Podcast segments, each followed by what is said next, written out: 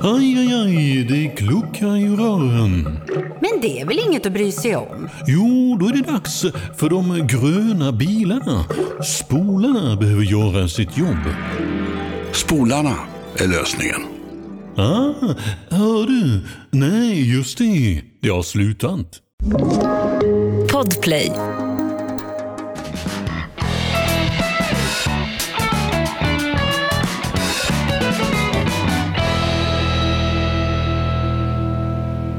När satiren blir sanning är verkligheten snart en mardröm. Hans Wiklund i studion, trevligt. Vi ska podda Hans. Apropå mardröm, tänker du? Nej, tvärtom. Du är en gammal våt dröm Hans. Vi firar, är det 150 avsnitt? Han har räknat fel lite då, Oliver Lindskov. Det är inte bara Skatteverket som har hört av sig till honom om felräkningar. Nej. Vilket avsnitt är det Oliver Bergman som vikarierar som demonproducent? Du får googla, herregud. Googla skiten gott folk, va? Som Jonas Nilsson brukar säga. Exakt.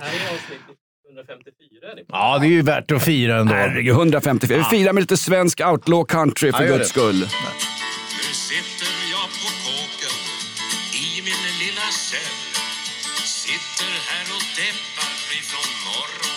Ja, deppa inte. Vi ska köra en fantastisk podd. Vi har för mycket innehåll Hans. Ja. Lite grann som Mello, det är för mycket bra låtar. Ja, det är det faktiskt. Och för många programledare. Verkligen. Två för många, absolut. Tack till dig som stöttar oss. Det här är podden Inaktuellt, Sveriges mest aktuella eh, podd. Och det här är ingen satirpodd eller rantpodd. Det här är verkligheten rätt upp och ner. Kefiren står på bordet, bolsjevikyoghurten är tillbaka i våra livsmedelsbutiker. Det kom som en chock Hans. Nu har verkligen Sverige ställt upp för Ukrainas folk. Vi har förbjudit kefiren.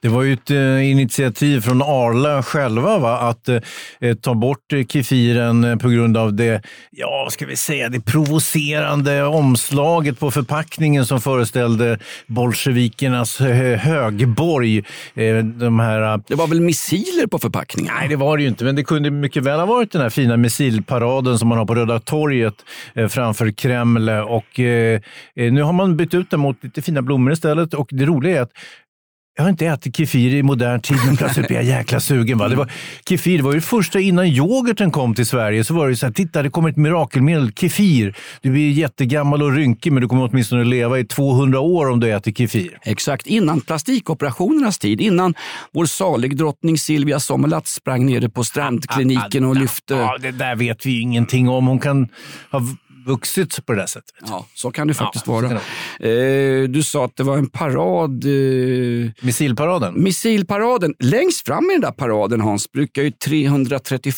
gå. Det är sånt där omtalat band, eller band, ett omtalat eh, förband. Mm. Det är ju ett eh, elitfallskärmsjägarregemente som kallas för Pojkarna. Nu vet inte jag, kan du snabbt, du som sitter och googlar på årets mest framgångsrika podd, eh, kan du googla vad Pojkarna heter på ryska? För det är nämligen smeknamnet på det här elitförbandet då, som hyllas första maj och på den här, vad heter den här stora bemärkelsedagen som rysspacket har varje... De, de, de kallar ju inte eh, andra världskriget för andra världskriget. De kallar Nej, för det, befrielsekriget. det, det stora fosterländska Fosterländska kriget. krig, ja. Befrielsekriget är det som pågår just nu i Ukraina. Det, det Häl- Hälsa borgmästaren med tårta och kaffe. Det är helt De sköt ju borgmästaren i, i, i någon av östprovinserna och det är inte trevligt vad de håller på där måste jag säga. Det är vidriga bilder som Det de visar på tv. Så ska vi sitta här då med ansiktsmålning i fiskdamm och, och clownkalas för alla barn över fem år rent mentalt. Man Och skulle så- ha skickat Carola faktiskt. Ja, jo, det är sant. Nej, men jag tänkte säga att 331 gick ju alltid i första enheten på den här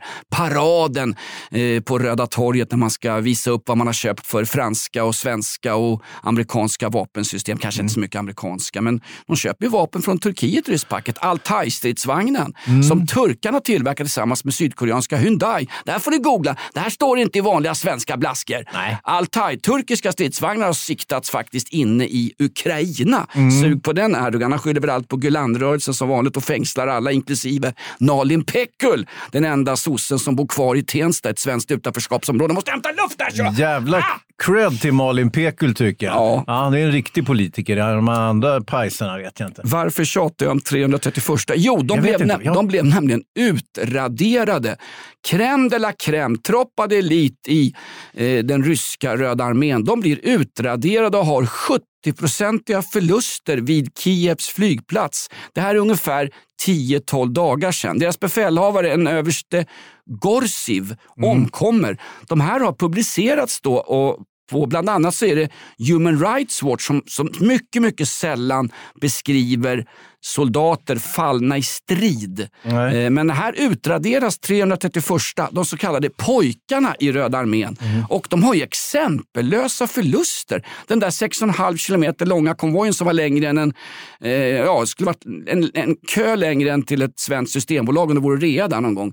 Den är också utraderad Hans. Vad är det som händer i Ukraina? Ja, alltså är de, det har ju, torsk? de har ju oerhörda motgångar. Bättre går det för den helnazistiska Azov-bataljonen som eh, krigar för Ukraina, där vi också har gott om svensk påfyllnad vad jag förstår. Jonas, är det inte det är rätt många svenskar som har farit ner och anslutit sig? Va? Oh, det här med ju- juicebussen Hans, vad fan Ja, som skulle... du pratade om förra, Ja, tagit vad- hus i helvete. Ja, det har det har vi en hotbild? Ja, hotbild inte värre än att Lindskov hotar att dra ner oss till 50 spänn per avsnitt.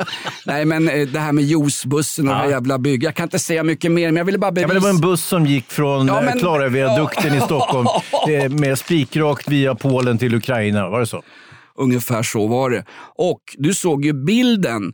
För mina polare började snacka om vad det är för jävla juicebuss. Jag var nere i Göteborg här och såg Häcken AIK. Då började Ja. snacka om juicebussen? Och folk började snacka om den här juicebussen. Ja. Juice hette den och det har visat sig för att det var folk som gick på steroider. Och den här juicebussen skulle ner och ansluta sig då till den internationella brigaden. Ja, och du såg bilden. Jag har ett fotobevis Hans för att de har nått fram. Därför att bredvid en ukrainsk skäggig fan med bruten näsa i ukrainsk uniform Mm. så står det faktiskt svenska grabbar från ett bygge i Haninge Ja. och vill fightas. Alltså, de jag vet inte Hans. Nej, men det kan ju vara sådana här turistfighters. Det är många som, eh, också sett att det är en hel del grabbar, eh, kurdiska grabbar från Sverige som Ja. eh, YPG-anslutna som var nere i Syrien och nu har de gått vidare då till nästa krig så att säga. Eh, även om det kanske inte är deras sak helt och hållet att strida för Ukraina, men de har liksom fått eh, vittring på striden på något sätt. Och, eh, Det är just- äventyrare, Ja, liksom. lite grann. gamblers, folk Ja. som vill ha kickar i livet. Och som, folk som det kanske inte räcker med att sitta och haspla ur sig, skrapa bingolotter och titta på Mello. Folk som vill ha Som en du och jag. Ja, men folk som har en riktig kick i livet. Som jag till exempel när jag dyker upp som transvestit på Club Lolo på reeperbahn. Vad ska hända härnäst? Ah. Ja, Va? det vet man ju aldrig. vem smaskar på mig så det kommer daim ut i öronen? Man vet inte. Nej. Man vill ha något oväntat i Ja, men livet. så är det. Och det, det får man ju om man ansluter sig till exempel till Azov-bataljonen i Ukraina. Nu är det ju så här att de har ju, det är förvisso en hel del nazister i den här bataljonen, men man säger att de har inget politiskt inflytande. Men tänk Jonas, om det är så att Azov-bataljonen fortsätter att vinna framgångar i de östra regionerna i Ukraina, hur blir det då med deras politiska eh, inflytande om Ukraina med vår hjälp så småningom skulle kunna vinna det här kriget och köra ut ryssen? Vad tror du? Mm. Alltså initialt, eh, jag försöker bara vinna tid där medan eh, jag pratar. Så, så, jag satt i plugget. Nej, men initialt får vi väl kolla om det finns några ukrainska produkter i svenska livsmedelsbutiker. Eh, och ta bort dem från Paulos, Paolo Robertos pastasås och bara hälla ut dem på något sätt. Ja, så det tror jag. Och sen så kan vi ta bort den där lilla ukrainska flaggan vi har satt på vår Facebook, eh, Facebook-bild också. Och så, och så glömmer vi hela saken. Ja. Som att det aldrig har hänt. Jag bara säga det om juicebussen, en märklig grej. Efter vårt förbannade poddavsnitt där jag snackade om den här juicebussen Mm. och Säpos uttalande om att vi granskar alla som åker ner. Efter det så har Fast som hade glömt att granska alla som Ja, ner. exakt. exakt. Det var bara Carola och hennes signerade CD-plattor hon kastade ut bland fattiga Mm. Vem är män. du? Yrke? Sångerska? Jaha. Försök inte. Åk då, men uppför dig för fan. Nej, men sen dess, det här med juicebussen. Jag skiter i det Hans. Jag tänker inte babbla mer om det. Det som är sagt är sagt i den här Ja, ja, ja. podden. Men det roliga är att Svenska Dagbladet, denna av pressstöd gödda tidning med 65 miljoner i pressstöd av svenska knegare skattepengar varje år. De hade en artikel om folk som spontant från Sverige åker ner och får ett kontrakt med internationella brigaden i Ukraina. Det är ett fyra månaders kontrakt. Det är x antal dollar i ersättning och enligt Svenska Dagbladet så är det alltså, sug på den här, 678 svenska medborgare som just nu är på ukrainsk mark och slåss emot ryska trupper. Och det finns till och med ett namn angivet. Filip Brännvall. Han dyker upp med namn och... Eh, Det låter taget. Va? Vem fan heter Filip? Faktum är, den snubben har någonting med... Jag kan inte gå in mer på det Hans, jag lägger Nej. ut lite dimridåer här. Ja, gör det. Jag häller ut Kefir i fotspåren här på, Ja, Ukraina, på dessa sandstäder. Den snubben har lite grann med juicebussen att göra. Mhm. Jag vet inte exakt var Svenska Dagbladet får sina källor ifrån. Man får inte röja källor. Man får möjligen röja miner eh, utanför Lviv, men man får inte röja sina källor. Mm. Filip Brännvall heter en snubbe som dyker upp i Svenska Dagbladet. Googla gärna på det här. Sök på Svenska Dagbladet, frivilliga svenskar i Ukraina, så är ni för fan juicebussen på spåren. Och där måste jag dra i dressinen Hans. Ja, jag hör det. Vart är vi på väg? Vi är alldeles åt helvete på väg. Ja. Varför skulle jag ta upp Är juicebussen du på förra väg veckan? mot Stora Journalistpriset, Jonas? Jag hör ju det. Det här är ju, det här är ju, ett, det är ju du som har uppfunnit allt det här. Stora haveristpriset. Jag tror på riktigt att någon fan har hört podden och snackat om svenska frivilliga där nere och sen har Svenska Dagbladet skrivit en artikel om det. På, jag men, nu menar jag allvar Hans. Googla skiten där hemma. Svenska Dagbladet Men frivilliga... vem skulle ha lyssnat på den här podden, Jonas? Det faller på sin egen, Ja. egen orimlighet. Ja, jag säger det som Jack Arklövs styvfar. Det faller på sin egen orimlighet att han är nazist. Det faller på sin orimlighet att Jonas Jerebko, lysande svensk basketbollspelare, fantastisk i korgboll, given i svenska landslaget, Mm. är två meter längre än alla andra fast de andra spelar i pums, nu har signat för, sug på den här, CSKA Moskva. Ja, men jag förstår... Kan jag skylla på att jag dricker öl? Nej, men jag kan förstå honom faktiskt på ett sätt. Tänk att springa runt bland ribbstolarna inför folktomma läktare och, och liksom tillfälligt uppmålade baslinjer eh, på, på, i, i gympahallarna i Sverige. Eller spela i en av de kanske bästa ligorna i världen, i den ryska ligan. Så att, eh, på ett sätt förstår jag honom. Rent moraliskt och politiskt så gör han ju lite av ett misstag givetvis. Men, men samtidigt, det där är glömt om ett tag. Va? Snart kommer Arla ringa och säga, kan du dricka kefir på en reklambild? hör Du? Vad är det för någonting? Ja. Det är ukrainsk gräddyoghurt, det är inget farligt. hörru. Nej, jag tycker det är bättre som vi gjorde, vi i Djurgården då menar jag, tog tillbaka Haksabanov från Ryssland till Djurgården. Va? Det var väl ett jäkla kapen då? Ja, men som AIK gjorde. Vi ska värva John Guidetti och vinna guld. Jaha, vi kunde inte värva John Guidetti. Då värvar vi Jordan Larsson och vinner guld med honom. Ja, det var lika bra faktiskt. Det är ju större, större framtidstro än Folkpartiet Liberalerna med Nyamko Sabuni som fortfarande kör runt med sommardäck i den mediala debatten. Det här är ett betalt samarbete med Villa Fönster. Du behöver lite mer tryck nu Jonas. Tryck! Villa Fönstersnack med Linnea Bali. Villa, villa, fönster, fönster, fönster med Bali, Bali, Bali. Jonas, nu tänker jag lära dig lite om Villa Fönster. Lär mig baby. Villa Fönster är en rikstäckande leverantör av fönster och dörrar till dig som konsument och byggföretag. Och vet du vad Jonas? Vadå? Jag har en spaning. Ja. Det som gör dem så unika är att de har Sveriges bästa leveranstid. Ja, det går undan har jag hört va? Ja, det gör det. För man tänker kanske som konsument så här, åh nej, det här kommer ta så lång tid. Men inom tre veckor alltså så har du ett svenskt nyproducerat fönster som är redo för omgående avhämtning eller leverans. Oj, oj, oj, inom tre veckor. Är det inte så också, jag har hört ryktena, de har Sveriges största fönsterlager va? Ja, med 500 olika varianter av fönster. Och eftersom de allra flesta av oss vill ha olika storlekar på fönster så kan Villa Fönster dessutom göra anpassningar såsom spröjs, spaltventil med mera. Oj, oj, oj Linnea, du övertygar här. Du vet inte vad en persedel är för någonting, men spröjs och spaltventiler. Här har jag nästan läst på universitetet om det här. Ja, och är det någon som har koll så är det Villa Fönster. Historisk referens här. Har du? Ja, alltid. Ända sedan 2008 så har Villa Fönster alltid haft visionen att erbjuda kvalitetsprodukter till rätt pris och kortast möjliga leveranstid. Ja, jag är nöjd Men vadå? med vårt Villa Fönstersnack. Villa Fönstersnack med Linnea Bali. Villa, villa, fönster, fönster, fönster med Bali, Bali, Bali. Tack Villa Fönster. Poddtips från Podplay. I fallen jag aldrig glömmer djupdyker Hasse Aro i arbetet bakom några av Sveriges mest uppseendeväckande brottsutredningar. Går vi in med hemlig telefonavlyssning och, och då upplever vi att vi får en total förändring av hans beteende. Vad är det som händer nu? Vem är det som läcker? Och så säger han att jag är kriminell, jag har varit kriminell i hela mitt liv men att mörda ett barn, där går min gräns. Nya säsongen av Fallen jag aldrig glömmer på Podplay.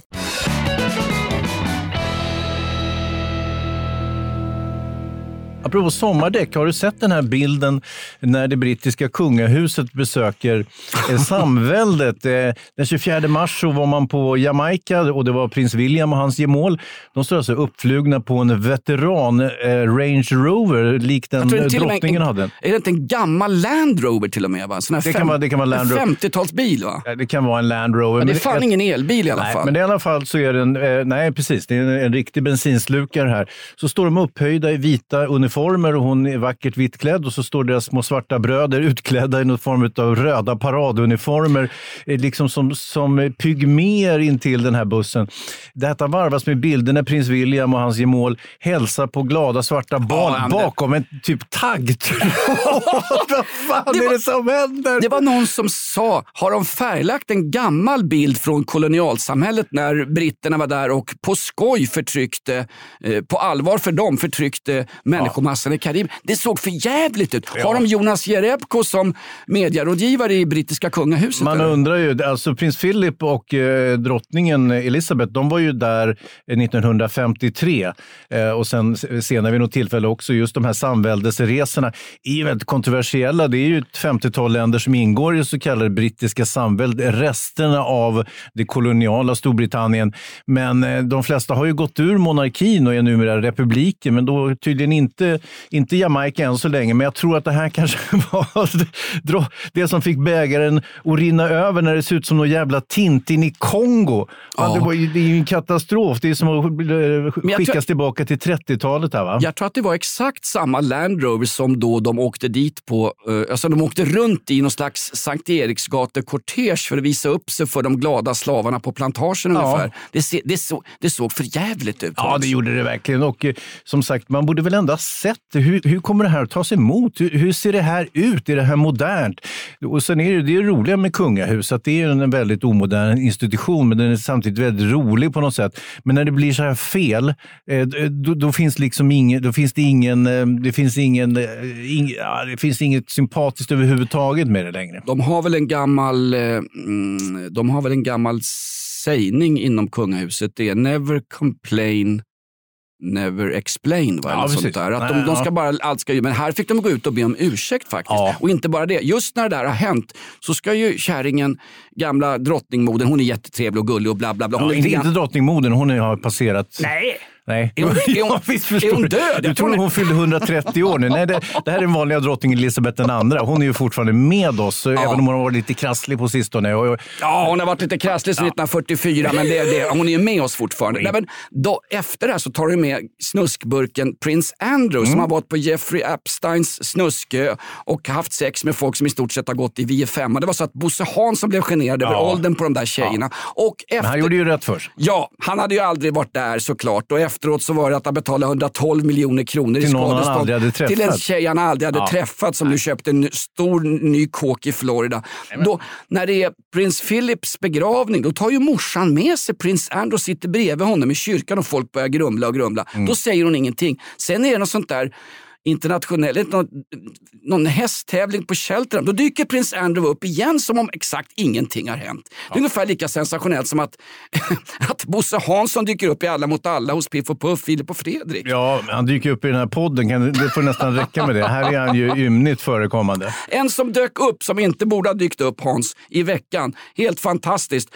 En organisation, en, ett gäng glada medelklassmiljöaktivister som kan ta ledigt mitt på dagen för att ställa till sattyg för vanliga Han jobbar på distans. och jobbar på distans. De kallas för Extinction Rebellion och det är självklart en internationell rörelse ungefär som Juicebussar och Azov-bataljonen och eh, turkiska stridsvagnar till ryska armén.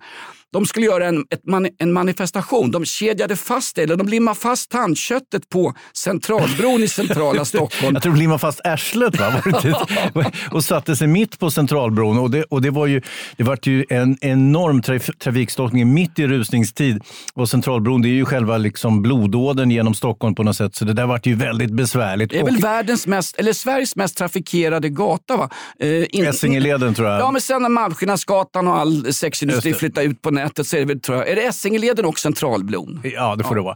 Och det roliga är att eh, då sätter sig aktivisterna där, de här medelklasspersonerna från Enskede och eh, förstör trafikrytmen och folk blir ju förbannade.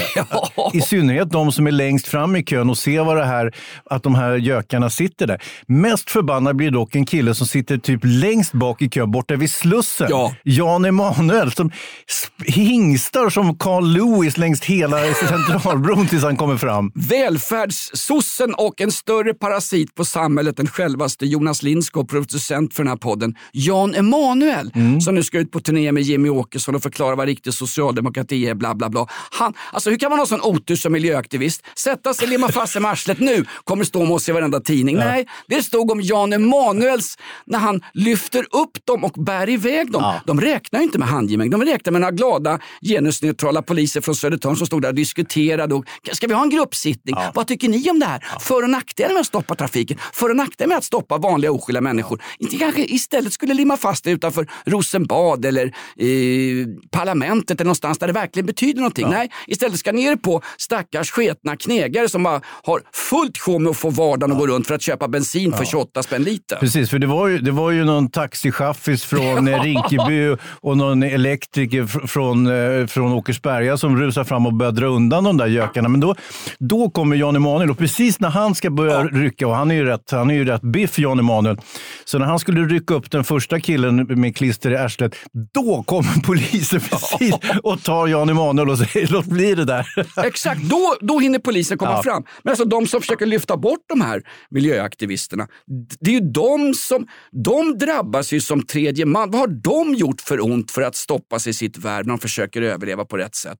Och tänk vilken otur när Extinction Rebellion ska ha sånt där Rebellion ska ha någon slags utvärderingsmöte i någon slags Folkets hus. De har fått låna av någon kompis kompis i Årsta eller vad fan som helst. Eh, ja, vad tycker vi om insatsen då? Ja, allt funkar bra tills Jan Emanuel dök upp. För han snodde varenda rubrik. Det var helsidor, sida upp och sida ner med Jan Emanuels, när han lyfte bort. Och sen sa han en ganska kul grej. Hans Lamborghini heter ju Mona, på riktigt döpt efter Mona Sahlin. Ja, ja, visst, det är visst. lite kul. Ja, men det, han, Sen är, har- han, har- han är en kul prick överhuvudtaget, Jan Emanuel. Och han har en väldigt tur Inte så också. jävla kul för skattebetalarna back in the days. Nej, nej, nej. Men, Han var men, en av de första som åkte på sån här, Ja. kommer du ihåg värstingseglatserna på 80-talet? Oh, ja. De skickade iväg de värsta vi hade i det här landet, inklusive folk från Vällingby där jag kommer ifrån och då Jan Emanuel. Han var en av de som åkte iväg på en sån här... Mm. Till seg- Västindien åkte Ja! Mm. Och alla sa, hur kan ni bjuda de här snorungarna på såna här fina saker? Det hjälper ju inte ett smack. Jo, det hjälpte. För han skärpte till sig Jan Emanuel efter trippet Mm. Ja. till Västindien. Öppnade en klädbutik i Visby och resten är ju svensk välfärdshistoria. Ja, det Karln är ju rik som ett troll. Han är för fan rikare än, än befälhavaren för Azov-bataljonen som har sålt svenska pansarskott till ryssarna vid sidan om. Ja, eh, jo, det, så, så är det ju. De andra 20 ungdomarna som åkte samtidigt som Jan Emanuel, de gick det inte lika bra för kan man väl konstatera. Och det var ju myteri på de där segelbåtarna. De höll på att kas- kasta de, eh, ja, vad det, var, det var de här personerna som var med som någon sorts vårdare eller lärare eller vad de skulle föreställa. Men de höll ju på, det var ju myteri. De försökte ju kasta dem över bord så att det var ju väldigt besvärligt det där. Och det Och var, en, det var en kritiserad eh, social handling så att säga. Men, men det, jag, jag tyckte ändå det var lite lovvärt på något sätt. Och gick det bra för en grabb, det vill säga Jan Emanuel, av de här 20 så är väl det någorlunda värt ändå. Mm, övriga är Sen att han snodde våra pengar genom skatt, väl, välfärdsskurkerierna, eh, förvisso. Men han, han skänker oss mycket glädje också, Jan Emanuel. Inte minst när han agerade på Centralbron nu senast. Är fantastiskt kul faktiskt. Man säger så här, eh, men du, du, det här är, du utför ju en, ett, det är ju ett ofredande mot de här som har satt fast. Nej, nej. Jag tar alltid i väldigt försiktigt när jag lyfter bort aktivister. Alltså, fantastiskt kul. faktiskt. Han är, han är väldigt spirituell. Dessutom när han vann Robinson var inte så. Jag kan ha fel nu. Jag har ganska ofta fel. Mm. Utom när det gäller juicebussen på väg till Polen och Ukraina. Ja, ja. Nej, där satte du den Jonas. liv! Nej, men han, han skänkte väl, när han vann Robinson i SVT, Mm. så skänkte han tror jag hälften av de pengarna som han fick till Djurens Rätt. Var det inte så? Nej, det kan ha varit så. Jag, Ändra i PR eller hur som helst. De hundar som fick mat den dagen och de trebenta katter som fick mat via eh, Dropp. Via dropp. De tackar honom i alla fall. Ja, och och jag menar, han är ju, verkar ju vara generös och sådär. Jag, jag tycker han är en frisk fläkt så att säga. Och det är bra att han inte ger sig in i politiken igen. Han har ju lite för mycket att dölja troligtvis för att klara sig där. Ger sig in i politiken. Tänk om man hade haft pastasås. Den hade varit uthälld för länge sedan. Om man säger så. Jan Emanuels pastasås. Han var väl igång i, i veckan var, var, det så att han var längst bak i kön och springer fram? Hans? Ja, han var inte längst fram i alla fall. Jag såg ingen Ferrari där. Jag såg, jag bara, såg bara taxibilar och elbilar och betong. Han, han är så jävla PR-skicklig så han kunde ha tänkt, liksom, är det här en stor grej? Blir det massmedialt? Där? Jag tror det. Därför springer jag fram och fixar det här. Alltså. Ja. Eller också visste han att de skulle sitta där så att han promenerade ja. dit från ja, men Du säger den, taxichauffören från Rinkeby eller elektrikern från Haninge som är ute och kör tider på morgonen när de här mm. sitter i vägen för Där har du Sveriges ryggrad nej, men, faktiskt. Nej, men inte de där fjantarna som satte sig mitt på gatan. Nej, exakt. Hur vet de att folk stannar förresten?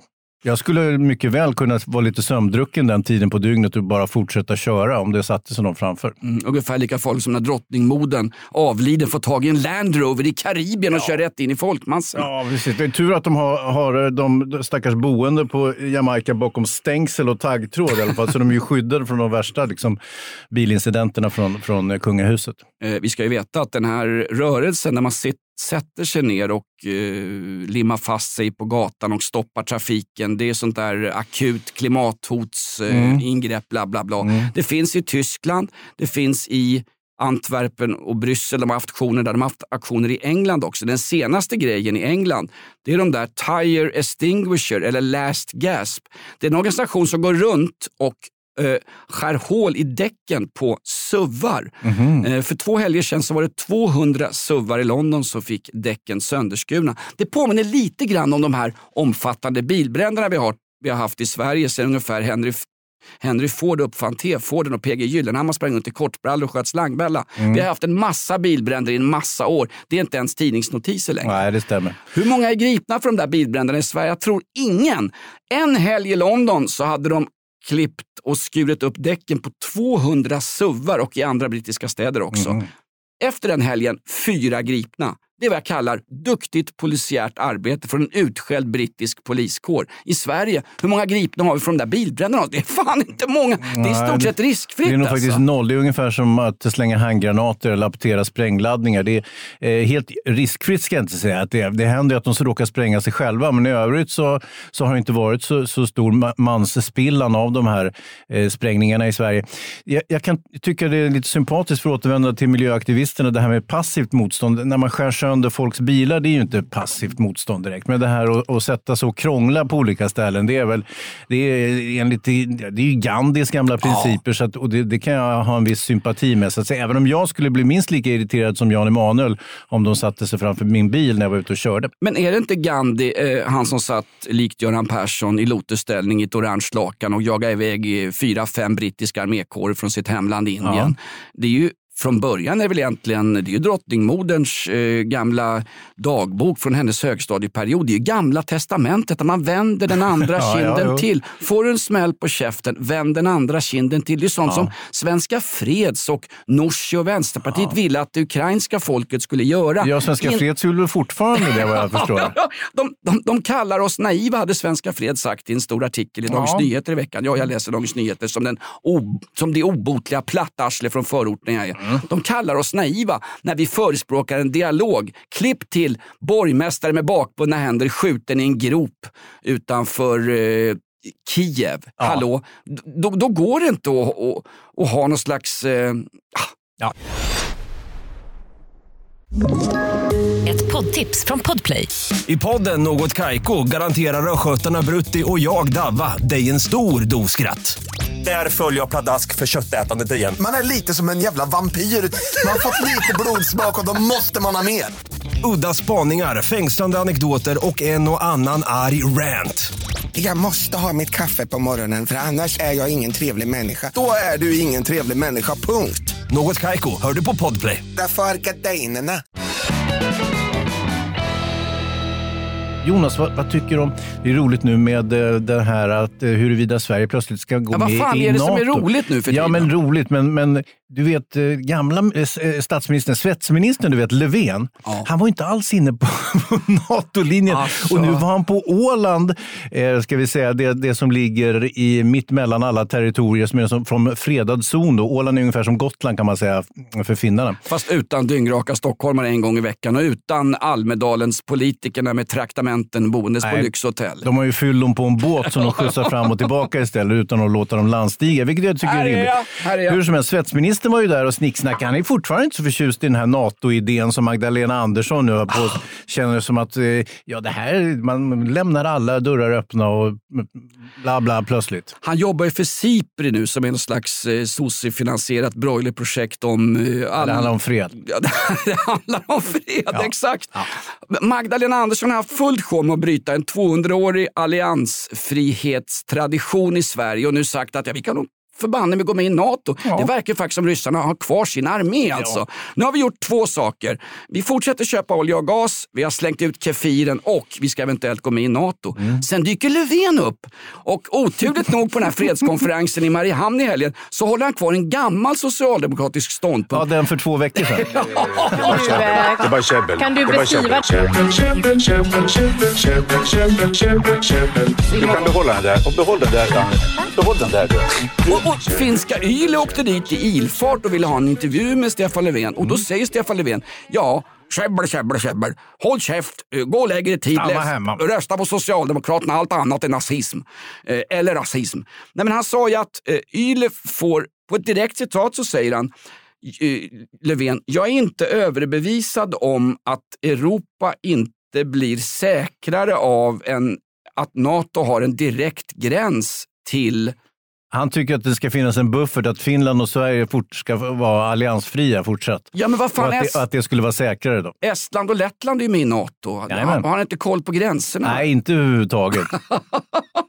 Stefan Löfvens succé. Jag tänkte vad Magdalena Andersson sa. Hej, har du, har du hört Löfven-grejen? Nej, vad är det? säger Magdalena Andersson. Jag sitter och försöker hitta en, en städerska med kollektivavtal till min kåk. Omöjligt visar det sig. Måste ta, måste ta någon från Människohandelsbyrån igen.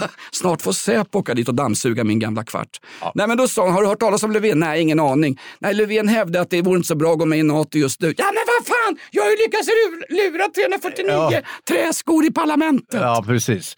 Nej, men eh, som sagt, eh, de gör sitt bästa och Löfven, han, han, är, han är stabil tycker jag ändå. Han, han, han säger vad han tycker ungefär som Jan Emanuel på Centralbron. Ja, de är lika. Du, hörde du om Uppdrag granskning förresten? SVTs flaggskepp när det gäller grävande journalistik. De har ju tagit in lite hermeliner där, ungefär som när Lindskov och gänget tog in oss i podd-Sverige. Det är en gammal snubbe från Bonnier News. Jag tror han är gammal kvällstidningsräv. Han är ju lite rolig. Axel Björklund heter han. Jobbar på SVTs Uppdrag granskning. De har jagat skiten ur Ericssons vd Börje Ekholm. Ja, ja, ja, ja, för det här med att de ville ha ansvarsfrihet och så gick det inte riktigt som de hade tänkt sig för styrelsen. Exakt. Det handlar om att eh, Ericsson då enligt uppgift ska ha gjort affärer i Irak 2017, 2018. Med IS direkt Ja, alltså först så är det ju frid och fröjd. Det är ute i öknen, vi kan lura någon i huckle med svensk pass, bla bla bla. Eh, och eh, sätta upp 3G-master är det väl tror jag. Mm. Och sen så kommer ett kalifat i svenskbyggda Volvobilar och säger det här är numera ett kalifat, det här eh, området tillhör IS. Ja, skitsamma säger Ericsson, vi fortsätter att bygga upp 3G-master och jobbar och förhandlar med då, enligt de här uppgifterna som Uppdrag granskning och Axel Björklund kommer med, jobbar och förhandlar direkt med IS. Mm. Inte, alltså inte Ericsson-personal. De hyr ju hantlangare som IS får tag i, eh, klår på pengar och sen vill ha lösensumma för att de skulle eh, frias och köpas ut av Ericsson. Ja, det, det som ser ut lite grann som mutor mer eller mindre. Exakt. Och Börje Ekholm då vägrar ju svara på frågor fast han har sagt att Ericsson är en industrikoncern, en företagskoncern med djupa anor i Sverige och den, den transparens och den, den, den öppenhet som genomsyrar Ericsson sedan dag ett ska fortsätta att råda. Han bor i någon lyxkåk i Colorado. Och så tänker du Uppdrag granskning och SVT Axel Björklund, fan det är dyrt att sticka till Colorado och jaga honom vid hans mansion och få en igenslängd dörr i ansiktet. Det blir inte så bra tv. Nej. Så vad gör då Uppdrag granskning och Axel Björklund? Jo, de sätter in en annons i den enda tidning som Börje Ekholm, Ericssons vd, ställer upp för. Det är tidningen Dagens Industri. Ja, det är klart. Ja. Ja, och nu börjar ett plus ett bli tre.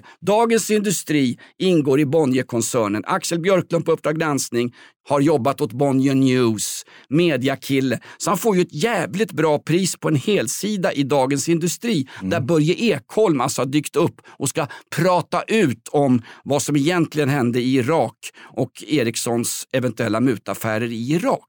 Problemet är bara att Dagens Industri, wow, vi får en intervju med Börje Ekholm, Ericssons vd. Fan vad bra! Inte en enda kritisk fråga. Han får helt lägga ut texten själv. Och där upptäcker ju Uppdrag granskning så sätter in en annons, en helsidesannons i eh, Dagens Industri där de skriver Börje! utropstecken. Hej! Här, det här är Uppdrag granskning. Du som var så vänlig och pratade med Dagens Industri och fick inte en enda kritisk fråga. Kan inte du prata med oss på Uppdrag granskning? Och sen ristar de upp 24 frågor. Stenhårda Av frågor. lite mer kritisk kar- karaktär? Av Ja. lite mer kritisk Ja, karaktär. ja, ja. Och vad, vad gör då svenska folket? Vad gör då media, Twitter och eh, ja, folk, i, ja, folk i gemen? Ja, är det sånt här som Sveriges Televisions licenspengar ska användas åt? Och sätta in stora helsidesannonser i privata tidningar och dessutom i, i en Bonnier-tidning också. Bonnier, fy fan, fy fan! Det börjar nästan lukta israeliska västbanken bara jag säger Bonnier. Det finns ju, finns ju en, finns ju en är av antisemitism Jajamän. så fort man pratar om Bonnier.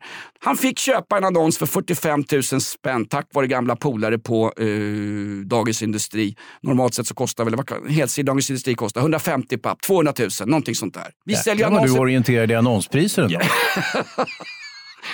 Jag är också lurad. Det är Lindskog som bestämmer vad sponsorerna betalar Ja, hos oss. klart. Men visst är det lite roligt att sätta in en helsidesannons där de frågar Börje Ekholm, Mm. kan inte du ställa upp i SVTs Uppdrag granskning? Han måste ha blivit skitförbannad. Ja, alltså. vad svarar han?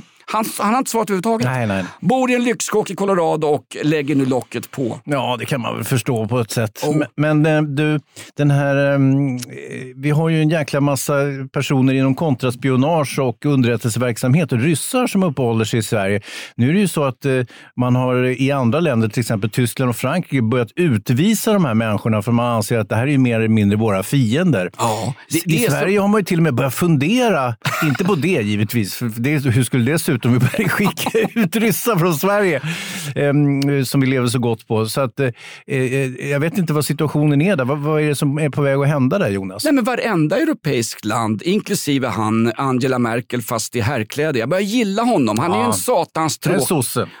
Han är ju en satans tråkmåns. Han är ungefär lika fästig som Lars Leijonborg på en ståuppklubb. Jag såg Lars Leijonborg på, på Birger Jarlsgatan faktiskt häromdagen bara. Ja, det var en passus bara. Jag- Inget mer om det. Så Du ska alltid ringa Jan Emanuel så kan han lyfta bort Leijonborg från gatan. Det var det jag hade tänkt, men jag Exakt. hade inte hans nummer. Nej, men han den här Olaf Scholz, eh, han som var så tråkig så att Putin somnade. Han blev ju förnärmad när han åkte upp till Putin och fick ungefär ett fredslöfte innan invasionen i Ukraina. Mm. Så åker han hem Olaf Scholz. Nu är han ju helt galen. Nu har han skickat tysk, eh, fransktillverkade men inköpta av Tyskland robotsystem till Ukraina.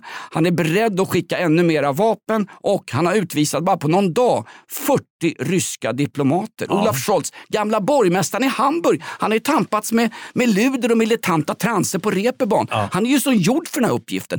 låt det inte, låt det inte, det är som Oliver Bergman, vår producent. Mm. Ser förbaskat jäkla tråkigt ut men där inne finns det en, finns en kampglad alte kameraden. Ja. De utvisar 40 ryska diplomater på dagen. Frankrike hängde på, 75 ryska diplomater. Ut, ut, ut. Ni bor ju för fan ett folkmord i Ukraina. Ni ska inte vara här. Vad gör Magdalena Andersson? Ingenting va? Nej. Hon har inte ens kollektivavtal på städaren. Vi ska utreda om vi ska utvisa ryssarna. De kommer från Venezuela vad jag förstår och inte från Ryssland. Men, ja, det kanske vi ska göra. Men ska vi ta och sopa rent och skicka ut gamla KGB-agenten Jan Guillou från landet också medan vi ändå håller på? Absolut. Lyft ut honom, absolut. Det kan Jan Emanuel fixa. Varför, varför är vi alltid trea på bollen i Sverige Hans? Är det för att vi, vi vägrar, vi, vi, har, vi har så svårt för när någon blir ledsen eller arg. Eller vi, vill alltid, vi sitter ju alltid på läktaren på något sätt. Alltså, Ja, var att så- vi ja. skickade pansarskott till Azov-bataljonen som de sålde vidare i viss mån till. Ja.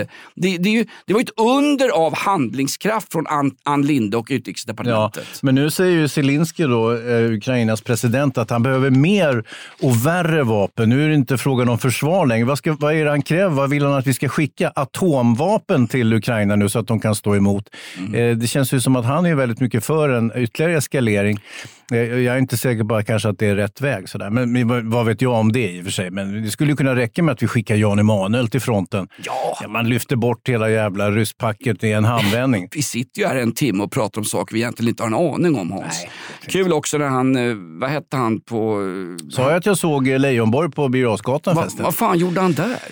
Han flanerade. Han är, han är väl pensionär tänker jag, så att han flanerade gatan fram och eh, jag kom med voven där. Så att, eh, Ja. Var det inte Lars Leijonborg som en gång gick på Hamngatan så kom det fram en gubbe till honom och sa Tjena Leijonborg, ja, det var, eh, dig röstade jag på i riksdagsvalet. Ja, så var det du det, sa Leijonborg. Vad kul! ja, ja, en bra kille. Faktiskt. Du, nej men vad heter han? Han är inte... Han är, är han kulturchef eller kulturredaktör? De, det går ju 13 på dussinet Ja, hur kan du ens komma ihåg vad Nej, de här han- människorna heter? Erik Rosén på Aftonbladet, han som sa att det var rasism att ta emot ukrainska flyktingar. Jajamän. Därför att någon hade lockat med att ja, vi bjuder på en gratis resa över Öresundsbron och för alla barn som kom från Ukraina som flyr undan krigets fasor så bjuder vi också på fri entré på Leos lekland. Och ansiktsmålning va? Och då- Slänger de med det? Hävdar Erik Rosén att det, det är rasism därför att ni bjöd ju aldrig några afghaner eller syrier på Leos lekland hösten 2015. Nej, men det de var för att de inte var barn till att börja med. Eller? Där, där har vi det, absolut. De var äldre än... Eh, De skulle inte roas av, av ansiktsmålning. De gick direkt på rökheroin och stölder. Ja. Exakt. Ja, s- säger de en del, ja, inte jag. De roas inte av ansiktsmål, de roas av polisens efterlysningsbilder. Mm. Nej, men det var ju så roligt för att då Eh, då hävdar han att det skulle vara då rasism att de inte fick göra exakt samma sak som Ukrainas barn. Men det är väl, fan, det är väl en naturlig sak att när det kommer småbarn lallandes att man, att man blir extra vän. Vad var det vi samlade in? Hela, hela Skavlan skramlar, en, en insamling i veckan. 63 miljoner kronor. Mm, hela skramlar skavlan. Hela, hela skramla Skavlan. Nej, men det var så märkligt. Eh, väl Jag såg inte det. Jag tycker inte så mycket om sådana här välgörenhetsgalor. Inte för att jag inte tycker om välgörenhet, det är ju en förtjusande initiativ, men, men jag tycker inte så mycket om att titta på galorna. Nej, exakt. Kanske är bra. Hans, eh, vi sätter oss längst bak på juicebussen, åker iväg i ilfart till valfri destination, men undvik eh, Mellaneuropa. Du sticker ju till Frankrike här i veckan. Det beror helt på med de här sittdemonstranterna som är sån jäkla landsplåga nu för tiden. De kommer väl att sätta sig på E4 så att de stoppar min limousin när jag är på väg ut. Just det, när du sticker till Frankrike får vi två avsnitt i veckan från och med nästa vecka Hans. Kan vi, kan vi gå ut på den?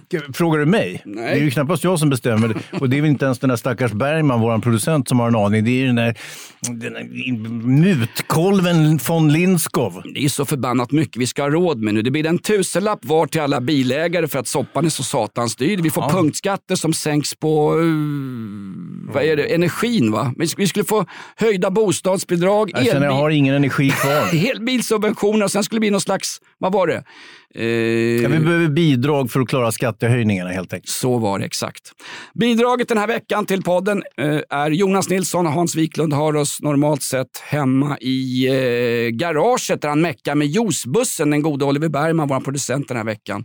Eh, tack för en fantastisk insats Hans. Ja, det är jag som ska tacka. Nej, för vad? Leijonborg? Ja. Hörru du, vi får gå ut på någonting trevligt Ja, här det får vi Hans. göra. Vad har du för trevligt? Försök att vara lite vänlig. Kacka Israelsson. Ja, där har du en Tack för jäkla att du står ut.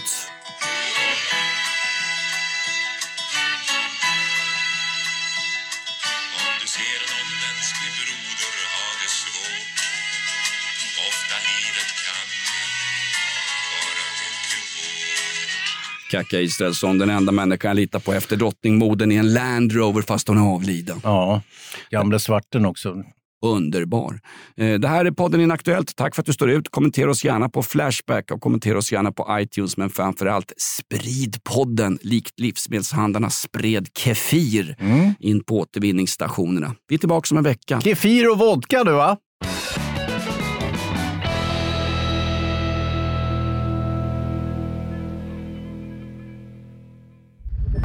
Podplay, en del av Power Media.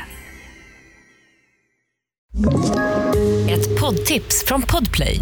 I fallen jag aldrig glömmer djupdyker Hasse Aro i arbetet bakom några av Sveriges mest uppseendeväckande brottsutredningar. Går vi in med hemlig telefonavlyssning och, och då upplever vi att vi får en total förändring av hans beteende. Vad är det som händer nu? Vem är det som läcker? Och så säger han att jag är kriminell, jag har varit kriminell i hela mitt liv men att mörda ett barn, där går min gräns. Nya säsongen av Fallen jag aldrig glömmer på Podplay.